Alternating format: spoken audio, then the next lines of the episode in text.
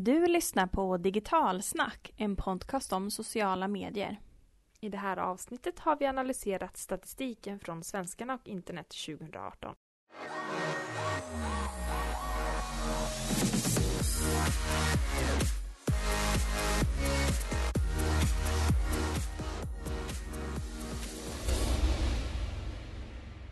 Hej och välkommen till Digitalsnack. Det här är podden som ger dig den senaste statistiken och analyserar den klart så att du kan vässa din social mediestrategi. Mm.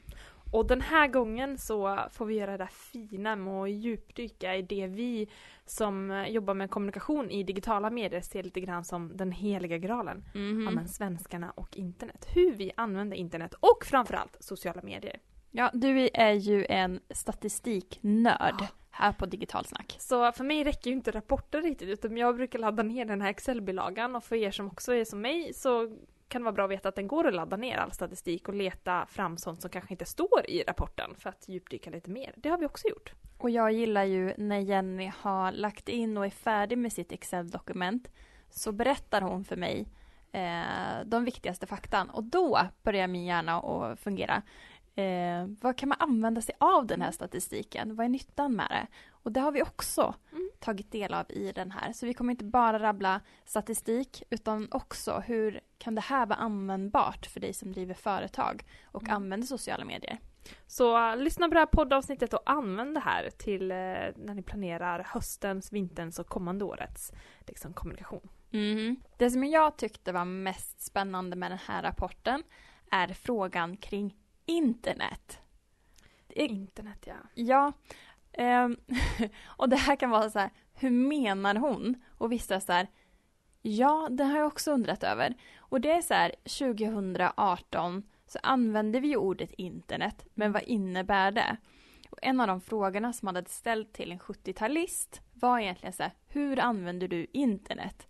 Och jag ställde frågan till dig och du visste inte riktigt vad du skulle svara. Och vad, vad är det som ingår i begreppet internet? Och det var också att när man har frågat eh, de som är född, födda på 00-talet då tycker de inte att internet är så viktigt. Och då börjar jag fundera på är det så att man inte förstår vad internet är? Hur skulle du definiera internet? För mig är ju internet, det finns ju överallt idag och allting fungerar baserat på internet. Alltså, det är som luft. Nej men jag kan förstå verkligen problematiken mellan att eh, den äldre och yngre generationen, att de, ingen av dem vet egentligen vad det är för att eh, vissa har det överallt kring sig och de andra, den äldre då, har ju fått det tilldelat. Medan vi som uh, var med eller yngre när det kom, vi har ju förstår lite bakgrunden till vad det faktiskt är och sen att funktionerna fungerar tack Ja. vare internet. Ja men precis. Och för att vara det kanske lite mer tydligt, för så här, nu kopplar vi upp oss på internet. Kommer ni ihåg den här signalen? Ja, När man... ja, ja, ja. Det är klart. Modem hette det va? Ja, Ja, modem. sedan. Fantastiskt. Ja. Men då fanns det en tydlighet vad internet Mm. var. Men vad är internet idag? Den fastnade jag, den tyckte jag var jätteintressant. Och eh, varenda gång någon säger internet så tänker jag på en föreläsning jag hade för några år sedan. Och då var det en man som kom efteråt och ville prata om du, det där är internet, sa han.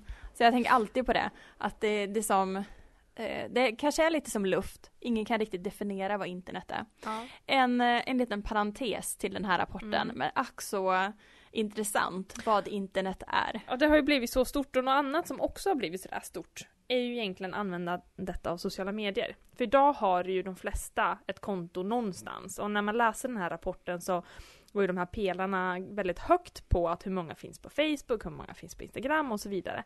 Så det är inte så intressant mer. Egentligen tycker jag det som är mer intressant är ju hur ofta man använder de här. Många dagliga användare har en plattform? Det är ju mer relevant. Definitivt. Hur många kontaktytor kan du som företag ha på en person varje dag på ett social media? Det är jätteintressant. Mycket mer än att någon någon gång kanske har skapat ett Facebook-konto. Det är ju inte så relevant information som vi kan använda oss av. Så att det som också är intressant med den här rapporten är att den visar för första gången någonsin att det som ökar mest är ju att vi är inne flera gånger Mm. per dag. Den ökar mer än att vi har någon gång varit inne. Så att det verkar att det blir liksom en boom kring sociala medier. Verkligen. Och den jätten som toppar alla de här Generellt sett, inte i ålderskategorierna, men generellt sett är ju Facebook, så vi kan väl ta och börja där. Definitivt. Och vi kan säga att den här rapporten, precis som vi har skrivit i vårt blogginlägg med en liten kort sammanfattning när Svensken och internet släpptes, är ju att den här rapporten gjordes i februari i år, eh, vilket innebär att Cambridge Analytica eh, mm. inte hade hänt än eh, med dess påföljder. Som så vi inte vet om vilka är, men det hade varit intressant att se. Precis, så den här baseras egentligen på tiden innan den. Mm. Eh, vilket fortfarande är ganska intressant för mm. man kan se att Facebook stagnerar faktiskt och mm. sjunker i användandet om man är under 36 år. Och det har varit en ganska drastisk eh, eh, utveckling för Facebook. Mm. I alla fall från förra året och det fortfarande såg ut som att det var ja, men de, de yngre som vi alltid har sagt att ja, men de är intresserade av mm. Och när vi pratar om Facebook då så menar vi ju allt som inkluderas i Facebook. Det är inte bara Facebookflödet utan nu pratar vi också om eh, Messenger och grupper och event så. Och precis som du nämnde nu med att, eh, att det här är liksom siffror för hela Facebook så finns det också statistik på vad vi gör på Facebook och mm. den är jätteintressant. För det visar sig ju faktiskt att vi inte är så engagerade i flödet längre. Mm. Det som man främst gör är ju att använda Messenger deltar i grupper och nummer tre så lägger man upp bilder, delar andras inlägg, skriver egna inlägg, deltar i evenemang och skapar evenemang. Men här skiljer sig siffrorna otroligt mycket. Dels vilken ålder man är i, mm. Ehm, men också från förra året. Ja, precis. Och när man kollar på åldersgruppen så kan vi se till exempel att den yngre generationen 16 till 35 vilket kanske till och med två generationer, men de finns ju på Messenger verkligen. Det är nio av tio där som använder det flitigt. Och det finns också en tydlighet mellan i alla fall 16 till 25-åringar att de finns ju inte i flödet. Nej, precis. Utan och... de är mer engagerade i via Messenger, precis som du sa, men också via grupper. Och det är lite så även mellan 26 till 35 år. Och definitivt att vi inte tycker om att dela Nej. saker i flödet. Det brukar vi plocka upp ofta på våra föreläsningar och sånt också, att det är enklare att få ett engagemang i de äldre åldersgrupperna för att de är mindre medvetna om vad som händer när man trycker på eh, gilla eller dela, medan de här yngre, just 16 till 35, inte riktigt gör det för att de är mer medvetna om hur algoritmen fungerar då. Och nu ser vi det svart på vitt eh, hur det faktiskt ser ut i hur många som delar andras inlägg. En grej som förvånade mig, som jag faktiskt inte trodde innan, det är ju det höga deltagandet i grupper i den äldre ålderskategorin. För eh, jag trodde nog att de till största delen bara hängde i flödet, men eh, gruppdeltagandet är ju faktiskt högt i alla åldrar. Mm.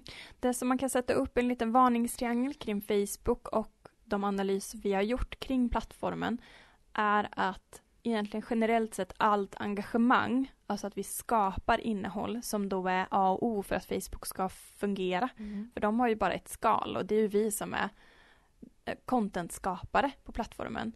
Och det sjunker jättemycket. Och vad händer när man får en plattform utan innehåll? Då mm. försvinner följarna. Och det här har vi faktiskt spånat på i alla fall under ett och ett halvt års tid. Att Facebook har den här utmaningen. Att när vi går in på Facebook så får vi inget relevant innehåll längre. Och det är så många som nu inte är inne lika ofta. Mm. Och den här statistiken bekräftar egentligen det. Um, Sen är ju frågan att är flödet så viktigt? Man kanske kan flytta över aktiviteten just i grupper evenemang, men, men de är inte riktigt fulländade där på hur man ska använda det så att, man, att det räcker, är tillräckligt liksom. Mm.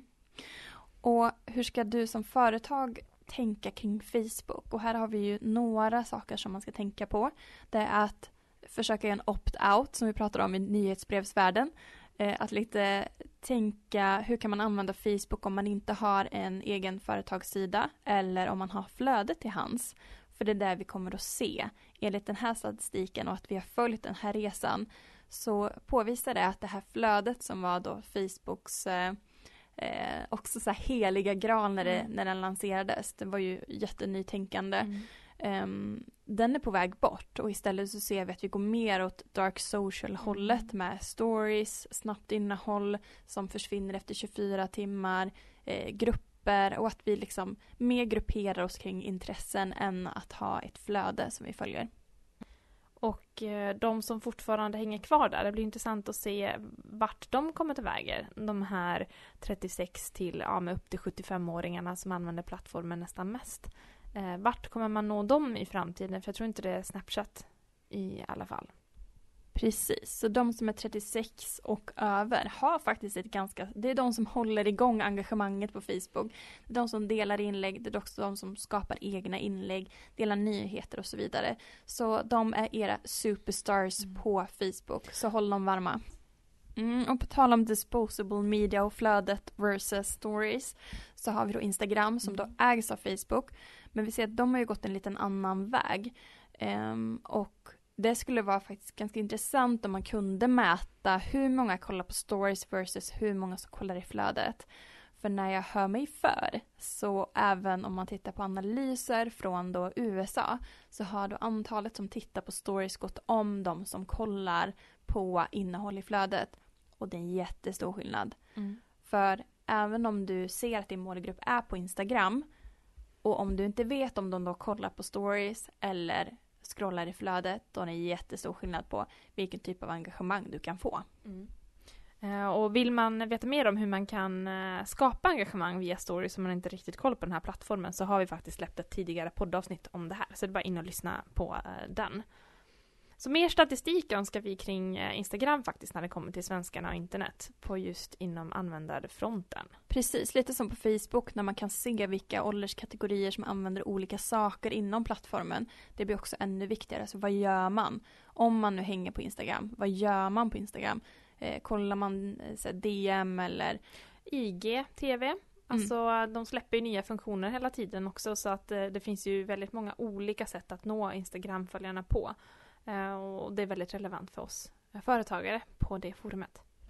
Men jag tycker vi kan, som sagt på Instagram finns det inte jätte, jättemycket om användandet, mest bara vilka som är där och hur ofta. Men vi skulle kunna gå vidare till något som vi tidigare har spått lite grann att det kunde bli en hit eller miss. Eh, kära LinkedIn som fick jag är en liten fart. Jag med! Jag är jättebesviken. För sen får vi återigen tänka att det här gjordes i februari i år mm. och att det ändå har gått liksom ett halvår. Um, men det kanske inte har hänt sådär supermycket. Jag tänker när släpptes LinkedIn-mannen artikeln? Ja, den var tidigare. Ja. Jag tänker att det gav någon sorts så här vinkel att folk fick upp ögonen också på LinkedIn att det fanns ett, en plattform och det var ju då den här första boosten av många användare kom och det, jag trodde att det hade hänt, skulle ha hänt mycket mer sen dess. Mm, för ni som kanske inte har hängt med i den här statistiken så kan vi sammanfatta med att LinkedIn då liksom planar ut. Man har inte ökat i folk som använder LinkedIn, alltså jättegenerellt någon gång. Eh, och eh, ökat 1% dagligen.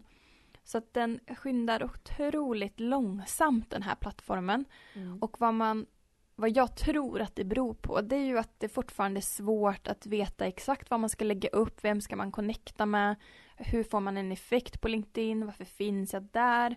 Och också om man finns där och gör ett bra jobb, det tar mycket mm. tid. Mm. Jag skulle säga att LinkedIn får man idag den absolut bästa effekten för minst effort om man vet hur man gör. Men det är där runt omkring LinkedIn för att det verkligen ska få den här effekten som tar mer tid än andra plattformar.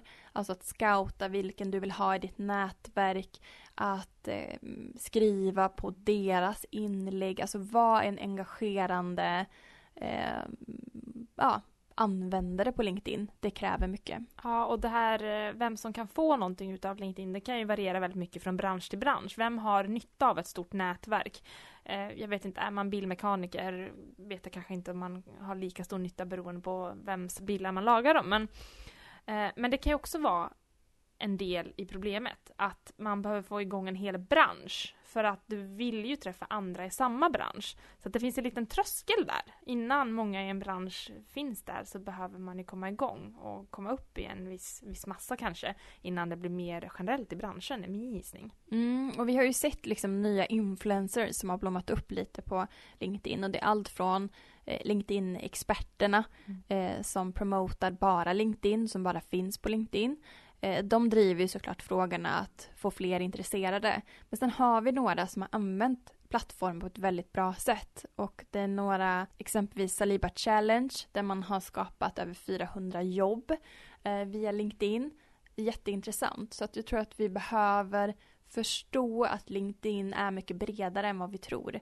Eh, jag tror fortfarande många har fastnat i det här, jag har mitt CV där. Mm. Eh, och jag tror kanske att man behöver att forma om profilerna för att man också ska tappa den stämpeln tyvärr. Jag tror att man behöver göra om gränssnittet. De har ju också stämpeln av att det är lite av en rikemansplattform och kollar man på inkomststatistiken på användarna, vilket man kan göra i den här Excel-bilagan, um, så ser man ju att största delen tjänar rätt bra på de som uh, har konton på Finns LinkedIn. det någon gräns på att man ser att om du tjänar över det här så hänger du på LinkedIn? Man ser ju den översta kategorin är 750 000 i eh, året och eh, sen finns det inte någon övre kategori utan det är ju över det då. Ehm, och de har störst andel användare på LinkedIn. Frågan är om, om det är också de som är mest engagerade i plattformen. Eh, det är ju lite lurigt. Det är kanske sådana yrken ofta där man behöver ha ett stort kontaktnät och att det på så sätt en, att branscherna liksom är, ligger före i, i plattformen. Det vet man inte, men det är ju lite intressant. Jag tror det är också en stämpel man behöver tvätta bort, att det är inte en, ett nätverk där man behöver ha slips på, fast digitalt då, utan att det är även till för andra. Ja men precis, och de absolut två största branschkategorierna på LinkedIn är ju IT, kommunikation och finans. Så att det hör ju lite ihop. Och sen har vi kultur på tredje plats. Och det blir ju lite man, man, kan ju förstå att statistiken ser ut så kanske. Jag tycker det är lite roligt att vården finns med också, men frågan är, är det då typ läkare och forskare som är med, eller är det sjuksköterskor? Det vore mm. intressant att se. Men de ligger liksom i botten av, av eh, de här olika branscherna som är aktuella. Så vad innebär det att en plattform som LinkedIn står still? Ska man fortsätta satsa på eller ska man välja andra plattformar? Jag tycker om ens eh, målgrupp finns där, alltså om ens bransch finns där så finns det ett ganska högt engagemang i den branschen, då är det helt klart värt att, att satsa. Och än så länge så är det inte ändå så många som skapar innehåll, så du har en rätt stor sannolikhet att få mycket synlighet. Jag håller med. Att ut och skapa innehåll, bra innehåll på LinkedIn. Och behöver ni mer tips för att komma igång så har ju vi träffat Nordenchefen mm. eh, Lisa som tipsar om hur du lyckas på LinkedIn. Mm. Men nu nog om slipsar och eh, sådana nätverk. Kan inte vi gå över till någonting mer kreativt? Vad är en kreativ jag kanal? Jag tänker på Pinterest. Pinterest. Det lilla babies. Ja, det är ju ja. en favoritkanal Och en nyhet mm. på svenskarna och internet. Jag känner lite äntligen. Mm. För jag har känt att varför, varför mäter man Twitter och inte Pinterest? För de har ju, eh, får jag säga nörd, alltså samma nördiga målgrupp. Mm. Det finns Ja, den är ganska smal men väldigt tydlig intressestyrd. Ja, men olika branscher oftast om man ja. jämför Twitter och Pinterest. Det är ju helt eh, fantastiskt. Det man ser eh, med Pinterest är ju att eh, tidigare har man spekulerat att det är ganska mycket sällananvändning och det stämmer ju. Man är inte där så ofta för man är, har oftast ett event eller någonting man vill eh, inspireras inför när man väljer att använda kanalen. Men en tredjedel av användarna använder faktiskt Pinterest en gång i veckan. Ja, i åldersgruppen 26 till eh, 55. Mm, och det här är ju som sagt en väldigt spännande kanal som man inte använder dagligen utan Eh, man använder lite mer sporadiskt. Så att det är helt okej att det är mest som använder det någon gång eller någon gång i veckan.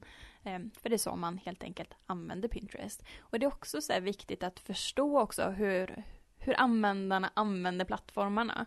Att det är inte alla plattformar som man behöver vara där dagligen för att skapa engagemang. Och Pinterest är ju en sån väldigt intressestyrd varför vi, varför vi är där. Jag tycker använder man plattformen en gång, någon gång i veckan eller mer så sänder den en väldigt stark signal. Då är det ett högt användande, användande av just den plattformen.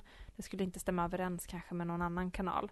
Så hittar man sin målgrupp i en sån kategori som använder den här Pinterest så pass ofta så har man en guldgruva där. Eh, speciellt om man driver en e-handel eller vill ha konverteringar till en webb. Vad jag saknar igen i den här rapporten är en djupdykning kring Pinterest. Det känns som att man djupdyker ganska mycket i Facebook men de andra kanalerna blir ganska generellt så här. Så här många använder så här ofta. Eh, här skulle också vara intressant vilka ämnen eh, vi i Sverige. Vi vet ju generellt sett Mm. vad som gäller för Pinterest. Eh, men inte specifikt i Sverige. Och det skulle vara jätteintressant att veta vilka ämnen eh, eller intressen är man där för. Mm. Så att det också blir en tydligare målgruppsdefinition om man som företag bör finnas på Pinterest eller inte. Men eh, vi kan försöka ge tipsen på vad man kan göra för att researcha själv ungefär om eran bransch eh, och eran målgrupp finns här. Och det kan ju vara bara att söka på svenska eh, inom de intresseområdena ni har gemensamt med er målgrupp. Finns det mycket innehåll då finns det också en del, hel del användare. Precis. Och såklart om ni är intresserade av att använda Pinterest eller lite nyfikna på eh, hur det funkar så har vi såklart gjort ett, ett poddavsnitt kring det. Någon myt som jag eh, känner att den här eh, rapporten också spräckte hål i är ju det är ju ofta relativt ofta man får frågan, men är inte bloggen död? Jag tycker man har fått den här i några år nu, att folk har upplevt att bloggen är död. Men det, det, många ja, det är den ju inte. Eh, bloggen är en fantastisk kanal för att driva in trafik eh, till hemsidor, men även från sökmotor, sökmotorer som eh, Google. Och kollar man i åldersgruppen 16 till 45 så är det faktiskt ja, men runt en fjärdedel som läser bloggar varje vecka. Och bloggen går ju att jämföra kanske lite som med Pinterest. Det är en kanal man inte är inne i hela tiden som på Instagram. Men när man vill läsa mer så går man troligtvis till någon textkälla som ofta kan vara en blogg. Och det gör man kanske någon gång i veckan. Det som vi tycker och som vi också har skrivit eller pratat i ett poddavsnitt kring det är ju det här kopplingen med sociala medier och webben. Hur viktig den är för att driva trafik och framförallt skapa en större nytta. Alltså varför man finns. För oss är den största passionen varför vi har den här podden till exempel att eh, dela med oss av ja, men, nyheter, kunskap kring sociala medier. Och det är där man ska finna i sin blogg.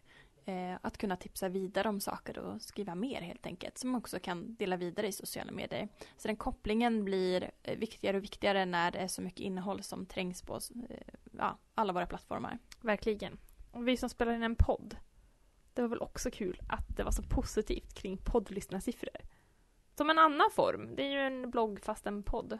Precis. En kanal man kan få mer och lite mer matnyttig information. Och det är ju det vi, vi försöker ge i den här podcasten. Det är väldigt spännande, för kollar vi åldern 16 till 25 år så är det fler som lyssnar på en podd än som lyssnar på, eh, jag gillar att de använder ordet radioapparat. I Ah, då är vi där på internetnivån igen. Och sen internetradio. Det är Ja. mina två favoritord från den här rapporten. Radioapparat och internetradio. Där har podden gått om. Ja, men det är härligt. Det är ju, man lyssnar rätt ofta också. En tredjedel ehm, i den ålderskategorin lyssnar ju varje vecka. Och det tycker jag ändå rätt ofta för att vara en podd. Att man har valt någon kanal att lyssna på, som våran till exempel. Eller hur? Och som egentligen all statistik som vi ser, alla de här nymodigheterna, eh, de liksom sjunker i statistik ganska drastiskt när man har blivit 36 och över. Så känner du dig drabbad, det- är ingen fara. Lyssna på den podd så kommer siffrorna säkert öka nästa år. Men det, det syns väldigt tydligt att eh, när man är liksom 36 och yngre, alla staplar blir ju, ja men poddar lyssnar man ungefär lika mycket på som annan typ av eh, radio, även om det är internet eller en apparat. Eh, om man är mellan eh, 26 och 35. Men är man 36 och äldre så ser vi att podden sjunker ganska drastiskt. Den enda stapeln är ju det här med att dela inlägg på Facebook. Ja, det är den det är enda som de- är högre typ. ja. Och de som lyssnar mest på podd är ju de mellan 26 och 35 år kan vi säga. Så tror vi på en framtid kring podd. ja, de blir ju bara äldre tänker jag. Och fortsätter blir ju lyssna på podd. Tyvärr. Ja. Så för er, vi får ibland faktiskt förfrågningar på hur skapar man en podd? Alltså företag som hör av sig till oss. Eh, ni som har en podd, hur gör man? Vilken kanal använder man? Vilken utrustning och hur kommer man igång? Eh, det är ju inte så, så jättesvårt i den biten. Det som är det svåra är att hitta vilken nisch man ska podda i och eh, göra all research inför poddavsnitten och skapa riktigt, riktigt bra innehåll. Och för oss hitta en tid där vi båda är i samma stad och Mm. kan podda. En sammanfattning här kring analys med svenskan och internet. Vad ska företag i Sverige när det kommer till sociala medier, hur ska man tänka framöver? Vi vet ju att eh, alla använder kan inte säga alla, men i vår värld känns det lite grann som att alla använder sociala medier. De flesta gör det. Men man finns på olika kanaler och man använder dem på olika sätt.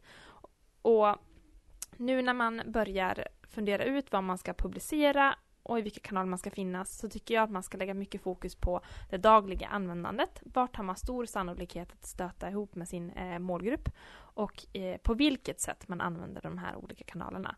Tyvärr så kan vi ju mest bara få ut information om Facebook kring användandet men eh, det går att dra ganska mycket slutsatser från den här rapporten ändå kring hur man beter sig. Precis, och då tänker vi Facebook, hitta gärna en annan lösning framöver. Börja scouta lite för framtiden. Ligger inte i ett Facebookflöde eller i en företagssida på Facebook utan den kommer finnas i andra trådar eller grupper eller stories. Så försök att tänka igenom en framtidsvision kring ert social media-strategi eller närvaro.